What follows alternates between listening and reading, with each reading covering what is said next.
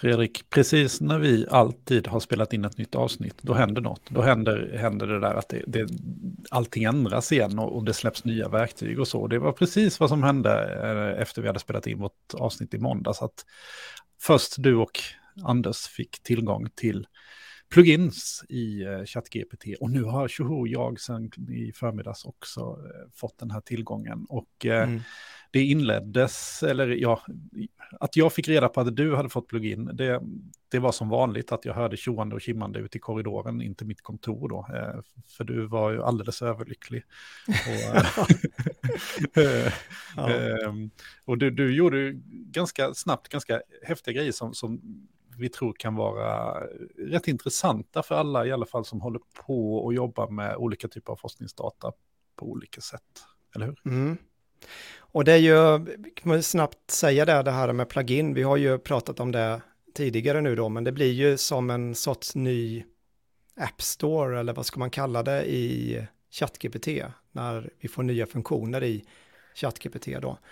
Och vi kan väl visa lite snabbt här hur, hur detta kan se ut. Och nu blir det ju en liten, tänker att vi får väl förklara vad vi ser på skärmen då, men nu blir det ju en mer, Precis, om, lite video här nu då. Ja, den, det här avsnittet det kommer vara lite kortare och det kanske är som så att man bör titta på det här i Spotify med video alternativt på, på, på YouTube. Men vi, mm. vi kan väl göra vårt bästa att det går att lyssna i alla fall. Jag ska, jag ska försöka vara, vara era ögon också. Så ja. Och då kan man ju se där att om plugins då, då går man ju in under beta features och sen så kan man då slå på plugins här då, om man måste vara en plus-user. Så att webbrowsing kom ju först, jag fick ju det några dagar innan och sen så dök ju den här andra upp då, den här plugins då.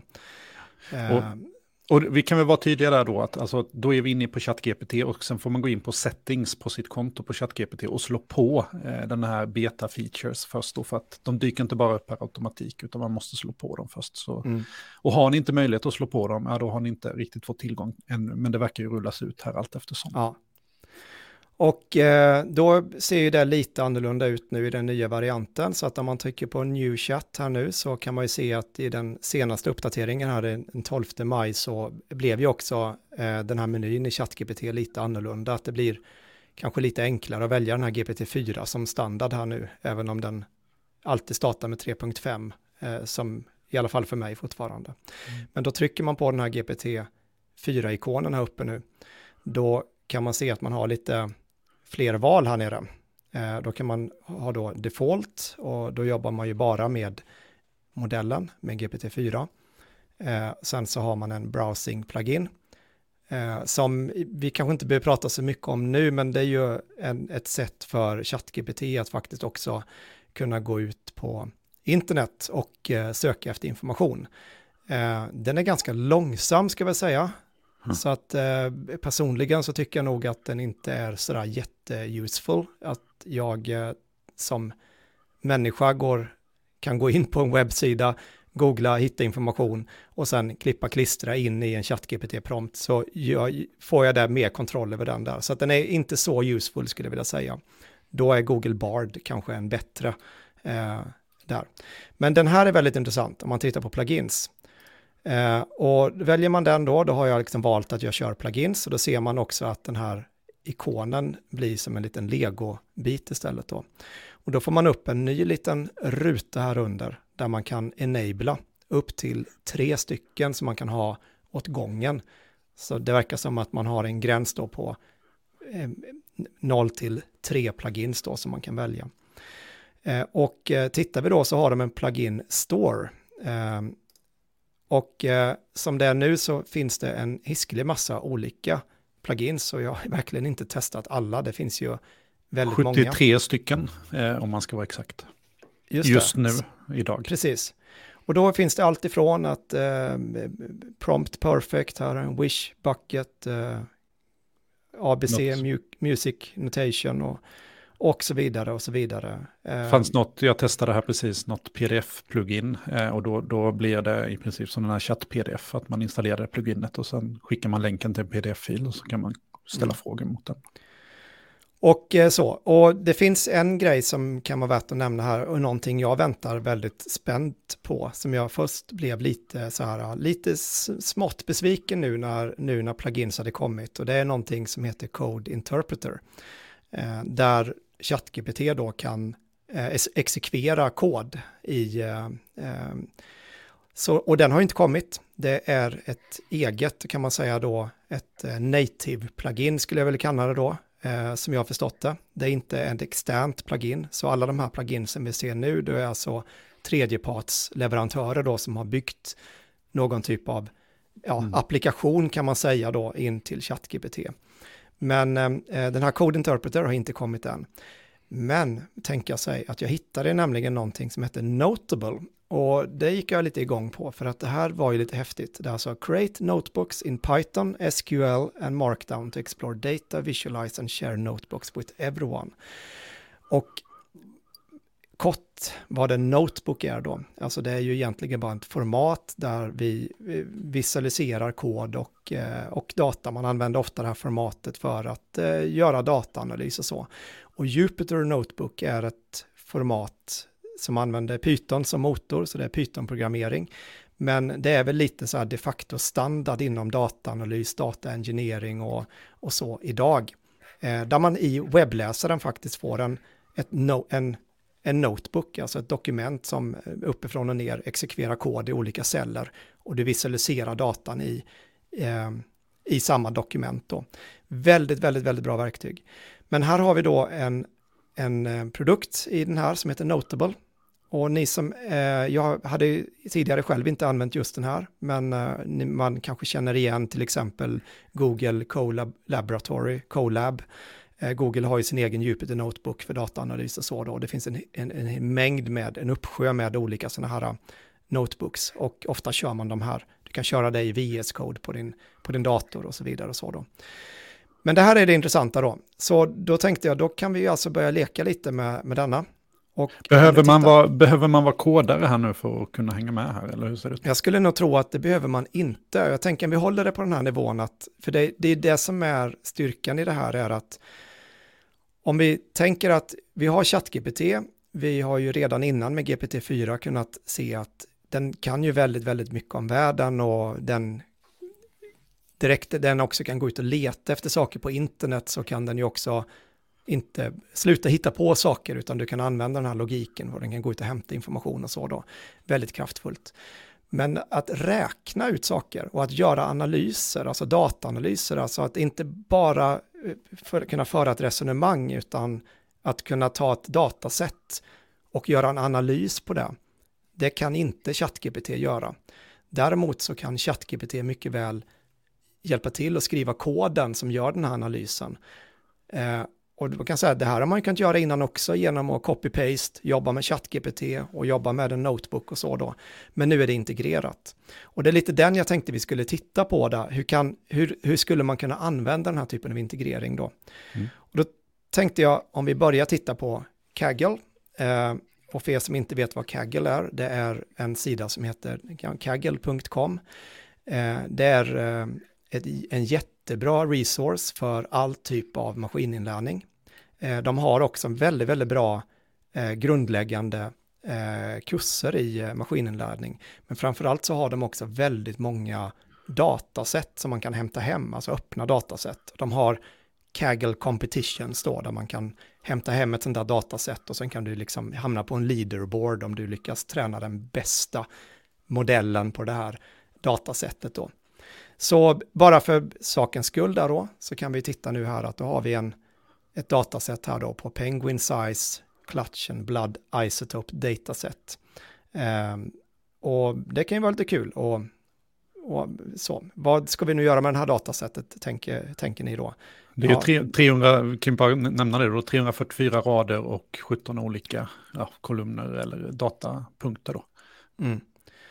Och det vi kan göra då är att vi kan ju ladda hem det här datasättet. Nu ser ni inte nedladdningen här, den flög in i en, eh, en liten eh, download-mapp. Men om vi tittar på datasättet i Excel här då så kan vi se att det är en CSV-fil här nu som innehåller en hiskelig mängd med olika data då. Och vi ser lite datum, vi ser några namn, vi ser äggstatus. Ja. Ja. Eh, en, ett, två, ja. ja, det. Så här har vi ett dataset. Eh, det jag kan göra nu då eh, det är att eh, vi, jag skulle vilja utforska det här datasättet då. Eh, och eh, då kan vi börja eh, se vad ChatGPT kan göra då. Och då kan vi ju skriva här nu vad vi vill göra. Och du har ju också Wolfram Alpha aktiverat här. Är det, behöver vi det eller är det? Jag tror inte vi kommer behöva det, men vi får se. Om den använder ja. Wolfram Alpha så kommer vi märka det då. Ja. Då skriver jag nu, I want to explore this dataset. Uh, about, jag behöver inte skriva att det är om pingviner, det ska, det ska den uh, förstå här nu då.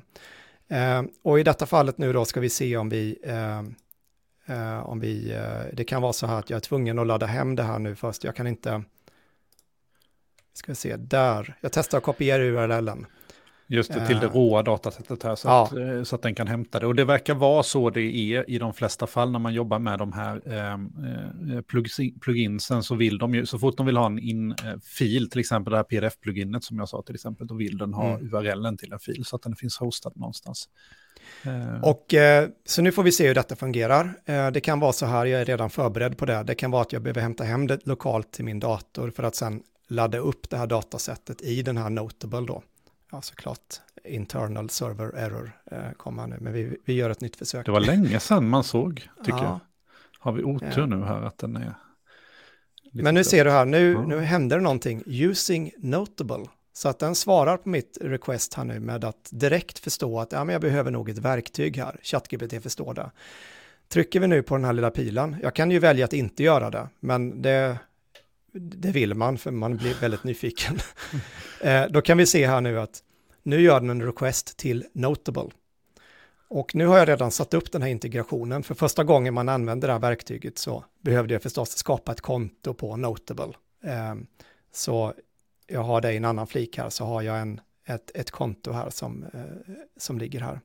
Ehm, och eh, nu så ehm, gör den en notebook eh, som eh, och det kan just vi se här då. Och så realtidskommenterar den vad den har gjort också, så den talar om vad den gjorde just nu. Ah, nu har jag Exakt. skapat en notebook eh, som vi kan arbeta i.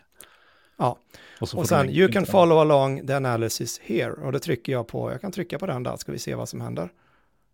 Nu kommer jag nog direkt till den här notebooken. Um,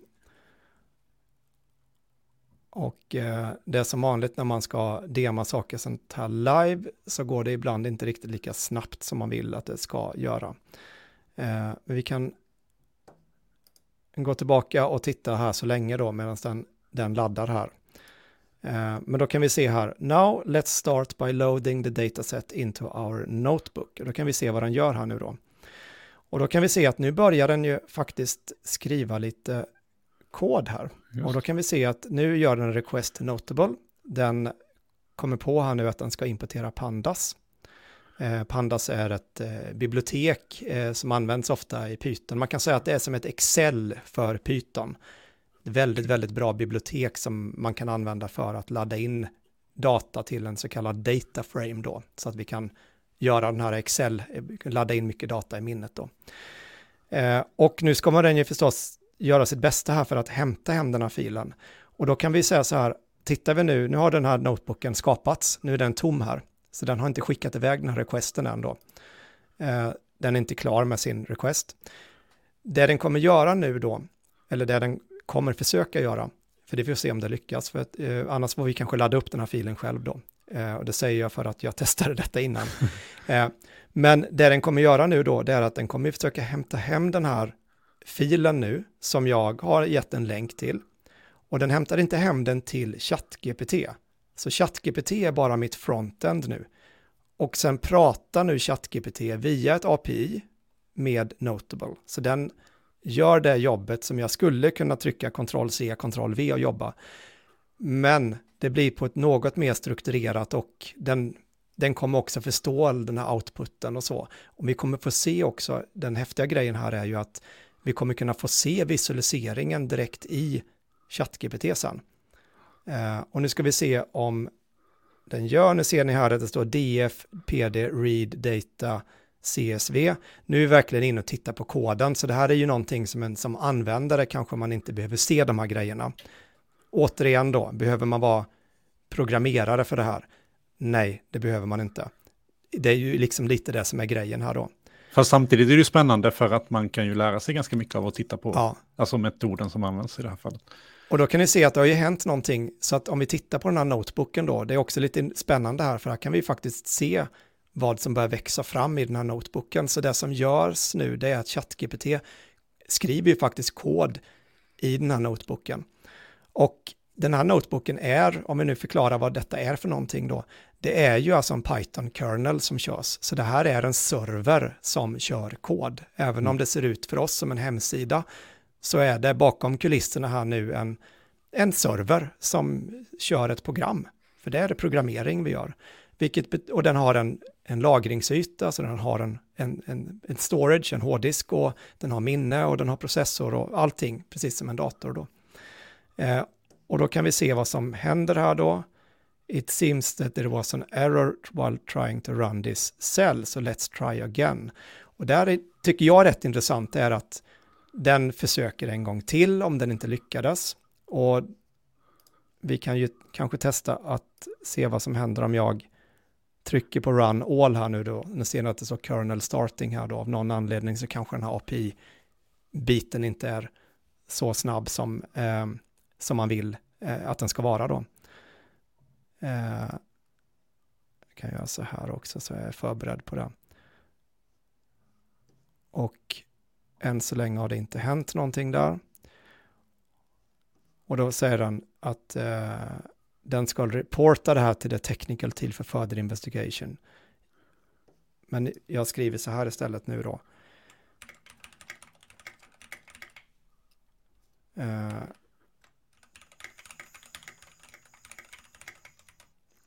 Just det, och då har du laddat upp den här CSV-filen i förhand in i den här notebooken och då talar du om nu att I just want you to import the data from the file penguinsraw.csv and continue. Så att istället för att instruera notebook, Notable att hämta den här från eh, Mm. Kaggle så, så har den den lokalt här nu då istället. Men i teorin så borde den kunna eh, lösa det här också. Men, ja. Mm, Och jag tror att det kan vara lite problem just det här att nu klipper jag ju en länk ifrån min webbläsare här som Mm. är inloggad med en cookie och ena med det andra. Så att jag tror liksom inte riktigt att det kommer fungera. Hade det varit ett dataset som hade legat utan en inloggning så Ja. hade det nog inte varit något problem alls då.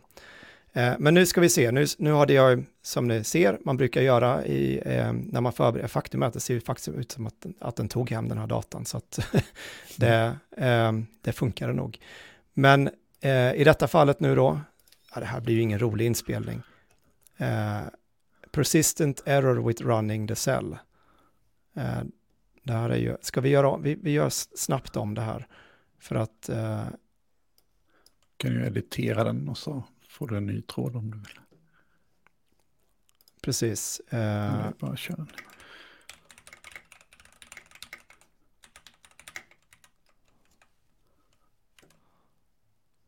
Eh,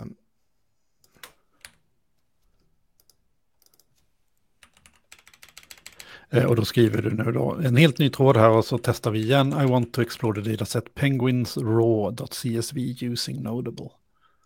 och om allting eh, är som det ska, då ligger ju det här i den här mitt default project nu på eh, Notable. Så att den ska ifrån detta kunna hitta liksom den här filen nu. Det har jag ju angett då. Så den ligger här, pengins.raw där. Eh, och om vi stänger ner de här nu. Så nu har den gjort en ny notebook och då kan vi ju se vad den döpte den till. Så jag behöver inte tänka på det. Den har alltså gjort en, en ny sådan. Pengins Raw Analysis. Och då kan vi kolla hur den notebooken ser ut. Och det såg vi ju sen förra gången där att det gick ju lite. Och då sa Let's start by loading the dataset. Do you have the Penguins Raws uploaded to your notable project? Och jag skriver Yes. Det här tycker jag är ganska trevlig. Det är någonting som jag har märkt här nu när man använder just kanske det här pluginet och även andra då, även Wolfram Alpha. Det är att den blir ganska duktig på att fråga mig som user om input. Och jag Mm. gissar att det här ligger med någon typ av prompt bakom då att gör en sak och sen fråga istället. Så att det blir inte det här one prompt utan den itererar sig ganska väl framåt då. Eh, och nu kan vi se att nu försöker den igen här då läsa den här. Det borde gå enklare i det här fallet för nu ska den inte hämta hem den. Eh, nu håller vi tummarna att det går vägen. Eh, annars så kommer det här inte bli... Nej, apologize. Notable support ja. is invested.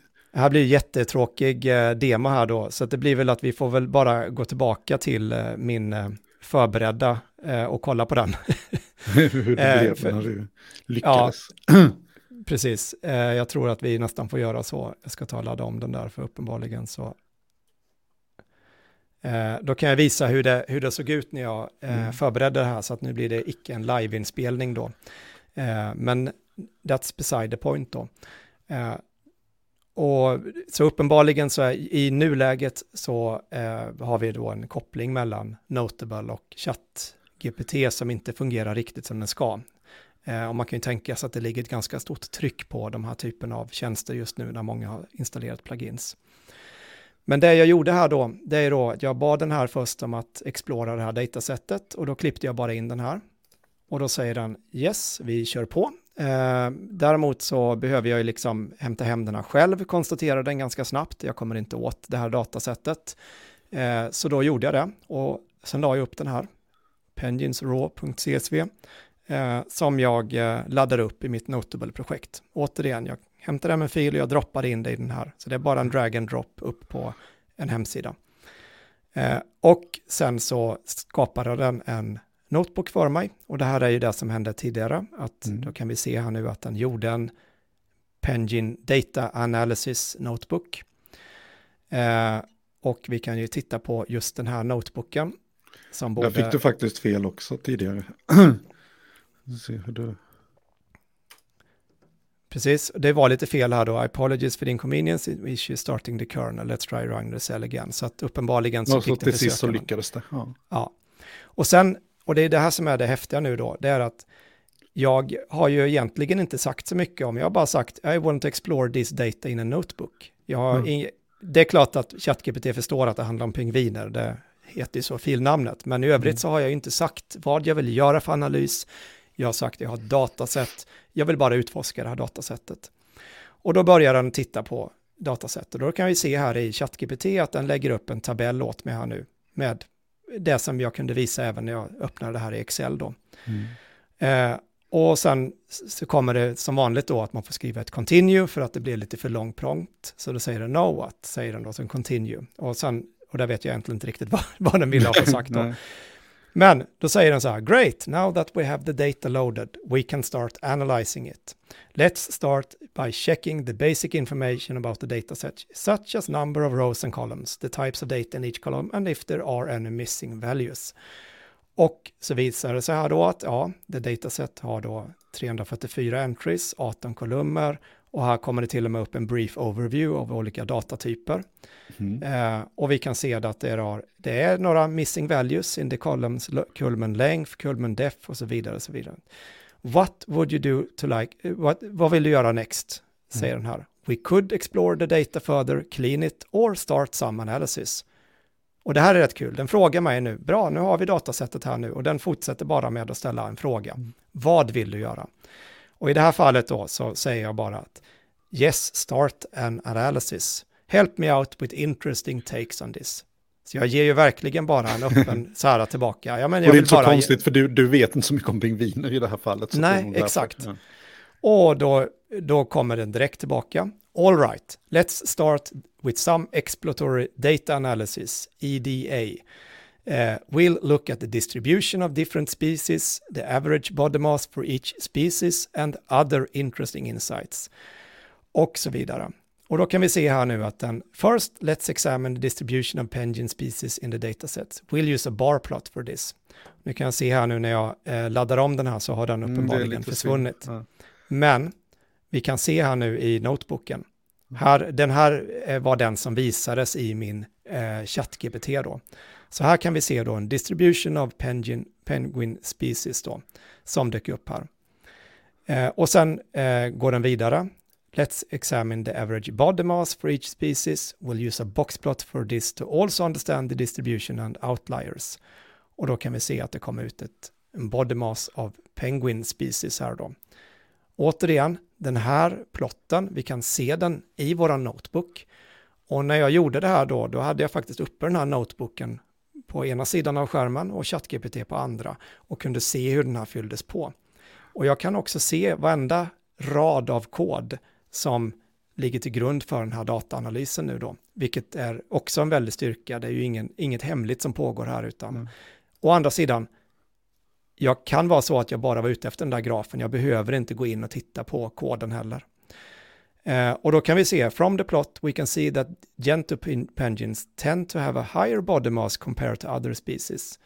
We could look at the relationship between body mass and other measurements, like Kalman length and depth and flipper length. Would you like to proceed with that?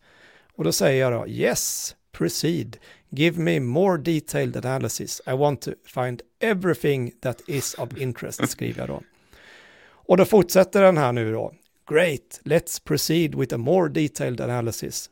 Och vi startar nu med relationships between body mass and other measurements like kulmen length, kulmen depth and flipper length, bla bla bla. Och då börjar den generera grafer för det. Och då kan vi se här då att ja, fick vi ju upp en, en, en, ehm, en scatterplot eh, där vi kan se de här olika pingvinerna då representerade på kulmen length och body mass. Och Kullman length, är det, är det näbben eller vad? Jag är lite osäker. Ja, du får ChatGPT den under tiden här, det borde jag. Men det är i alla fall eh, någon feature på en pingvin, så kan vi säga då. Men det är ju så här, vi vet ju inte så mycket om det här datasättet. Jag gör ju en exploratory analysis nu. Och eh, sen kan vi se då att eh, den gör ytterligare en graf, graf här då. Så har vi body mass versus Kullman depth och här kan vi se lite fina grafer på det. Eh, och eh, den, ser vi, den berättar för mig nu att vi kan se att det är en positive correlation between body mass and Culmen depth, especially for the Gentoo penguin. That means that the Culmen depth increases, the body mass also tends to increase. Så det här, och det här tycker jag är jätteintressant. Det är att jag vet ingenting om det här datat. Jag bara går in och ber den att hitta saker som är relaterade. Jag vill bara utforska det här datasättet. Och direkt så kan jag ju nu få en ganska bra insight om den här datan. Det här kunde ju vara vilken annan data som helst. Det kan ju vara att jag sitter på någon typ av eh, jag ska säga, vi har betyg och vi har eh, åldrar och olika regioner eller vad för någonting, om vi nu tänker studenter och vi skulle vilja utforska detta, då hade man kunnat använda eh, samma typ av, av arbetsgång då. Eh, och här kan vi se body mass versus flipper length till exempel då. Och sen fortsätter jag då. Eh, och sen började jag faktiskt då ehm, Eh, in, innan detta slutar ska vi se Kullman length by 6, eh, det har den också gjort här då. Och sen kan vi se att body mass by, av Penguin 6, då kan vi också se att vi har gjort lite boxplot för detta nu då. Eh, den här blev ju kanske inte lika rolig då, body mass of penguins by region. Nu var det ju bara en region som heter Anvers då, så det blev ju en, en stor boxplot med en region då. Men vi kan se att vi har det body mass eh, där. Det är Kalmen eh. Length, om vi ska återgå till det, för nu har jag äntligen förstått svaret mm. från ChatGPT efter att ha översatt många eh, ornitologer som säkert skrattar åt mig just nu. Men det handlar om där, där näbben, näbbens övre del möter skallen ner till topp, eller tippen, vad heter det, eh, nostippen, näbbtippen. Så, ja. ja. det är Kalmen Length, då vet vi det. Och det är ju rätt, då hade det med någonting med näbben att göra då, eller? Eller ja. vad kan man säga? Ja, ja näbbens längd om vi vill göra ja. rätt för oss. Och då får man tänka sig hur en pingvin ser Vi behöver inte gå in på pingvinerna här nu, vi, det kommer vi göra bort oss så det stänker om det. Men det kommer vi se här nu det är att jag har bett den här vidare nu då om um, att, att fortsätta den här analysen. Uh, så att nu vill vi då se, uh, jag bad den här nu, bra, och sen vill jag testa lite mer här nu då. Ja, men jag vill ha en maskininlärningsmodell, jag vill ha för en general penguin species. Mm. Så att en sak är ju då att ja, men jag kan börja utforska datan och jag kan be om precis vad jag vill. Att jag, är det någon relation här som jag borde hitta? Eller eh, behöver jag rensa datat från saker som är outliers eller så då? Jag kan behöva bara berätta för ChatGPT här nu och jobba med ett riktigt datasätt. Mm. Och i detta fallet är jag inte begränsad på något sätt av promptstorleken. Jag behöver inte klippa in någon data till ChatGPT, utan hela computational eh, den sker ju i en notebook, den sker på en mm. annan server. Och de här graferna och det som, som produceras i den här notebooken, det lastas tillbaka till ChatGPT. Så jag kan använda nu ChatGPT som mitt interface mot ganska vad säger, så avancerade verktyg. Och det här är någonting som jag tror är, det här är egentligen precis hur stort som helst. Och vi kan ju då bli lite så här, ja men hur bra funkar det, det API, API verkar inte vara helt stabilt mellan det här. Det är klart, det kommer eh, fungera väldigt mycket bättre väldigt snart tror jag då. Mm. Men den börjar göra mm. histogram här nu på BodyMask, Kulmenlef och, och Flipperlength och sånt då. Eh, och här har vi, eh, det här är inte vad jag kallar histogram i och för sig då, men vi har i alla fall olika density plots här nu, eh, där vi kan se de här olika pingvinerna. Eh, och eh, sen så kommer den, eh, sen var det lite delays och att den hade lite error och sen så kommer jag kan säga att det här testet just eh, för stunden då kommer väl sluta lite här på grund av att eh, den var lite trött eh, mm. i connectionen då. Men det jag bad den att göra här nu, det var att eh, fortsätt nu att bygga den här maskininlärningsmodellen. Och för att göra det då så kommer den ett behöva ren, re, göra rent datat lite grann, för vi hade lite värden som missades på vissa rader och då kommer det vara svårt att träna på just det här då. Så det den börjar nu det är att ja, den kommer faktiskt ta och droppa lite data från detta. då kan vi se att den gör en ny dataframe som heter data clean här och eh, eh, så vidare. Och sen så ser vi att den börjar nu göra från, eh, från sklearn preprocessing label encoder så att i detta fallet så börjar den eh, göra en label encoding då på datasättet. Och återigen, det här är eh, eh, data engineering och eh, vad kan man säga, dataanalys som många, jag ska säga, många som jobbar inom detta är väldigt bekväma med de här verktygen, men de är kanske till viss del väldigt otillgängliga för, eh, för de som inte är inne i området. Men nu är de helt plötsligt tillgängliga. Så du kan göra väldigt avancerade grejer. Så att nu skulle vi kunna bygga då, om vi fortsätter den här notebooken, en modell på en pingvin. Och vad jag menar med modell på pingvin här nu, då skulle jag kunna säga att om jag har en pingvin som har den här kulmenlängd och är av det här könet, hur eh, lång kulmenlängd har den då till exempel? Eller den kommer från den här regionen. Jag kan alltså bygga en modell utifrån den här datan då, som jag skulle kunna applicera på ja, vad jag nu vill då. Eh, jag vet inte exakt varför man skulle vilja ha just en, en ping, pingvinmodell här. Men om vi nu tänker att vi skulle titta på en annan typ av data, mm. eh, i detta fallet om vi nu skulle vilja titta på, ja, vi kan ta studentdata då, då skulle vi kunna bygga en modell som möjligtvis skulle kunna berätta om vi nu skulle använda betyget som en label i det fallet då, att baserat på de här inparametrarna på alla de här studenterna så skulle vi kunna bygga en modell som säger vilket betyg den här studenten skulle få. Nu vill jag bara säga att jag är tydlig med att jag, jag tror inte det är en alls bra idé och jag är inte säker på att det skulle fungera, för vi skulle aldrig mm. kunna ha de här parametrarna. Men eh, inom väldigt specifika domäner så skulle vi kunna bygga modeller som är ganska kraftfulla på om vi har en, en bra data då. Och det här har ju inte varit någonting tillgängligt för för någon, skulle man kunna säga, som inte kan de här grejerna innan då. Nej. Eh, det här tycker jag är skithäftigt. Um, så... Precis, jag har ju inte, visst jag kan programmera, men jag har ju aldrig hållit på med den här typen av, av modeller och, och, jag är inte ens insatt i liksom, det här området överhuvudtaget. Men jag känner ju att jag har ju massa data som är spännande som jag skulle kunna utforska på det här sättet nu och det känns ju inte ens svårt. Om inte annat så får man ju hjälp i hela processen, bara man vet ungefär vad man vill ha ut. Och nu visar du då eh, Wolfram Alpha här, eh, för nu är det bara Wolfram Alpha som är eh, aktiverat och din fråga är I want to know how many steps there are between London and Manchester.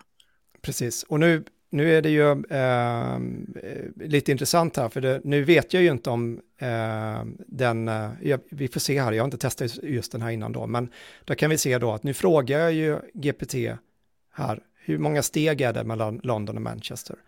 Och då kan vi se här nu att den eh, börjar ju då, let's first find out the distance between London and Manchester. I'll use Wolfram Alpha to get this information. Och då kan vi se, om vi går in och tittar på den här, då kan vi faktiskt se att den eh, gör en query till Wolfram Alpha. Återigen, det här är rätt intressant, för Wolfram Alpha är ju också ett, ett liksom natural language query-system då. Mm. Om ni går in på wolframalpha.com så kan ni skriva distance between London and Manchester och ni kommer få ut en distance. Och i detta fallet då så kommer det ut eh, en distans här då. Och då kan vi se att distance between London and Manchester is approximately 264,3 kilometer eller 164,2 miles. Now let's calculate the number of steps. Assuming an average step is 0,762 meter, we can divide the total instead. Let's do the calculation. Och nu gör den den här calculation med Wolfram Alpha. Och det här är ju, då kan man säga, det är ju en rätt enkel, det är, återigen, det är, nu använder den Wolfram Alpha som en miniräknare i detta fallet, men den tar då 264 300 genom 0,762 och sen så får den ut ett respons. Och då kan vi se att responset kommer ut det här i ett flyttal med många decimaler. Eh, och Wolfram Alpha svarar här nu att det är approximately 346 850 steg och lägger till då att detta är ett rough estimate and the actual number of steps may vary depending on the individual stride. Och det här tror jag också är en, en den är otroligt kraftfull kombination. Så just den här Wolfram Alpha kombinerat med GPT-4, eh, det är lite som en superpower. Mm. För att har man bara det här pluginet, för Wolfram Alpha, den är väldigt, väldigt faktuell information. Den har ett otroligt bra kunnande om världen och det är då lagrat i databaser som inte är, alltså de är inte fel, det är lite mm. som ett encyklopedia. Mm. Det är inte Google, utan det här är eh, korrekta, uppdaterade databaser om hur världen är. Och den kan också matematik sagolikt bra. Eh,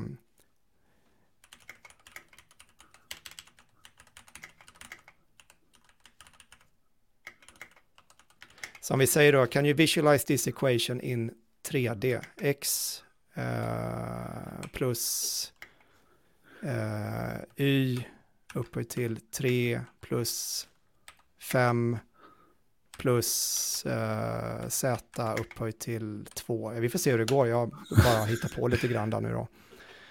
Eh, och om det blir som jag vill nu då, då kommer den då fråga Wolfram Alpha om den här ekvationen. Och nu har jag också bett om en visualisering, så min, mm. min förhoppning här nu är att jag också får ut någon typ av eh, visualisering. Sure, here is the 3D visualization of the equation x plus y upphöjt till 3 plus 5 plus z upphöjt till 2. Och då kan vi se att när den skriver här så embäddar den ju eh, den här bilden. Ja, det blev ingen rolig visualisering kan jag väl säga. Det är en Men, kub. ja, det, Ja, eh, någonstans i den här så borde det finnas borde någon, funnits, någon yta liksom så då. Jag blev lite besviken nu måste jag säga. Men den, eh, den här i alla fall är, eh, det, det, är ju som ett räkneverktyg nu så tror jag mm. det att innan har man sagt att jag menar ChatGPT den kan ju inte användas för matematik speciellt bra. Nu är det ett supertool. Eh, den är um, väldigt eh, bra. Och jag testade faktiskt eh, innan här och, eh, och jobba. Jag tog ett, ett papper ifrån, jag gick in på arkivex.org eh, där eh, det finns vetenskaplig eh, litteratur och sen gick jag in under matte-delen. Och då kan jag säga att jag fattar ingenting av det här papret. Jag tog det nyaste det på listan. Och det här var, handlade om någon ny algoritm som någonting. Det är ett, ett, alltså ett typiskt matteforskningspaper. Du, eh, jag förstår själv inte detta. Jag vill bara vara tydlig med det. Men det är jag i alla fall. Help me deduce and calculate and understand this. Preferably by using both logic, web search and also Wolfram Alpha. Och sen har jag klippt in den här, då kan ni se att den blir lite tokig i eh, så här, för jag klipper in från en pdf här nu då. Mm.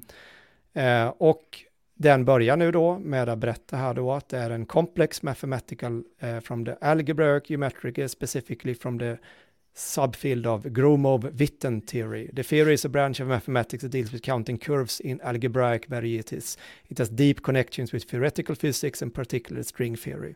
Okej, okay, jag kan alltså gräva mig in här nu i ett väldigt, väldigt specifikt och djupt mattepaper här nu då. Mm. Och jag, även om jag läser det här så är det inte säkert att jag kommer förstå allting då. eh, men den säger då att du kanske behöver liksom recommend studying these topics in depth, possibly under guidance of a professor or tutor who specializes in this då. Eh, men den försöker i alla fall eh, använda Wolfram Alpha här nu to get some more insights. Mm. Och jag tycker att den här är rätt intressant. Det här är att vi kan se vad den säger här nu, Ruben, att it seems that Wolfram Alpha misunderstood the query and provided information about a minor planet called, may named Gromov. Och då kan vi se här då att input är Gromov-Witten theory och det kunde inte Wolfram Alpha förstå. Nästa query så försökte den göra det lite annorlunda, den, så den gör ett nytt försök. Mm. Återigen att den jobbar iterativt här. Eh, och då gav den en respons här på lite olika planeter. Så det var inte riktigt vad som var tanken då. Eh, och eh, den gjorde detta en gång till och den lyckades aldrig. Det här använde den faktiskt WebPilot då, så att den gjorde två försök med Wolfram Alpha och sen ett försök med WebPilot. Men den gjorde vad den kunde för att försöka lösa mm. min fråga då. Eh, så att, men den också svarar ju här nu att jag hittade inte den här informationen och det blev inte, den hittade information om planeter istället. Det var inte riktigt det vi sökte efter. Och sen fortsätter jag lite då, ja men jag vill bara att du ska hjälpa mig förstå den här. Och nu så börjar den ju faktiskt jobba med den här och försöka förklara den här. Eh, så då kan ni se då, when the quotient space x slash slash g is non-compact, ja den har slutat. Ja, sen har slutat. Ja. Eh, och i detta fallet, här använder ni bara GPT-4, så att just i mm. den här så ska man väl kanske vara lite försiktig då. Men eh, det man kan säga om de här typerna av verktyg är ju att eh, det går att planera resor nu. Mm. För nu har du Expedia, vad är det, Kajak, var det någonting mer som var inbyggt? Jag har testat lite grann och jag, vi ska ut och bila i sommar och jag har börjat fråga, jag ska åka till Paris, eh, vi ska vidare till Italien och kan du hjälpa mig? Och då, det roliga är att du frågar den sen, hur många är ni? Jo, så här, och sen eh, säger man det. Och sen så eh, kommer nästa fråga, ja men vad, eh, när vill ni resa då? Eller vill ni stanna? det blir som en reseledare mm. som sitter och, mm. och frågar. Mm. Jag gissar att det ligger inbyggt i prompterna då för de här mm. pluginsen då. Men då kan den gå ut och använda API-erna från då Expedia, Booking och whatever och sånt då. Och eh, eh, faktiskt eh, boka tror jag inte den kan, i alla fall inte vad jag vet, men eh, Klarna har ju ett plugin också så att du går ju shoppa nu med ChatGPT också. Mm. Eh, och, och så vidare och så vidare då. Eh, och vad sa du att det var 73 plugins? 73 räknade jag ja. till eh, nu precis innan i alla fall. Och det är ju um, redan rätt många. En del är väl som vanligt då, när, när iPhonen kom, hur många appar var det som, ja, precis, ja, som, som gjorde. Ja, så det blir väl likadant här, att det kommer vara ett par stycken sådana här plugins som kanske kommer vara riktigt useful och många som kommer vara väldigt eh, nischade och inte så mm. användbara, vad vet jag. Mm. Eh, men det här är ju, har ju öppnat upp någonting stort, det är väl det jag vill poängtera då. Framförallt den här code-biten, den är gigant, Wolfram Alpha och Code, är de två sakerna jag är mest hypad över just nu. Um. Och um, ja, nu har det kommit till fler här när jag testade, nu är det några till här som har dykt in. Jag kanske räknade på fel flik, men då är vi uppe i en 80-90 eh, här nu i alla fall. Mm. Eh, hur får man tillgång till de här då? För den frågan kommer ju, och det handlar ju kort och gott om att ha betalversionen av, av ChatGPT och hoppas på det bästa. För jag tror inte att det finns något sätt att eh, bampa den kön, utan man, man får tillgång när man får tillgång. Eh, men det, det, känns väl som att de släpper på det här relativt fort. Men, men nu har jag också fått lite errors och grejer när jag har försökt eh, använda ChatGPT som man fick förr i tiden. Så det kanske är lite överbelastat just nu och kanske de bromsar in, man vet ju inte. Jaha, ja, spännande. Jag ska sätta mig och börja utforska lite data här kanske eh, framöver och se, se, se vad det mm. landar i. Eh, jättekul sätt att, att jobba på. Så tack för att du delade med dig eh, av detta. Eh, och eh, med det så tänker jag att vi önskar alla en fortsatt trevlig vecka Och eh, så får vi se när vi ses nästa gång. Det kanske bara dröjer några dagar till. Vem vet? Vi, vi släpper vet. många avsnitt. Jag, jag, fick det som kommentar idag. Jag hade en föreläsning för IKT-pedagogerna på LNU. Och det var, då var det någon som sa det. Att ah, det är rätt mastigt med många avsnitt som kommer ut. Så, ja, ja. Vet. Man får väl sålla då, ja. tänker jag. Men vi har eh, ja, spännande avsnitt på gång också. Tack för idag Fredrik och ha, ha det så bra. Hej. Tack så mycket. Hej.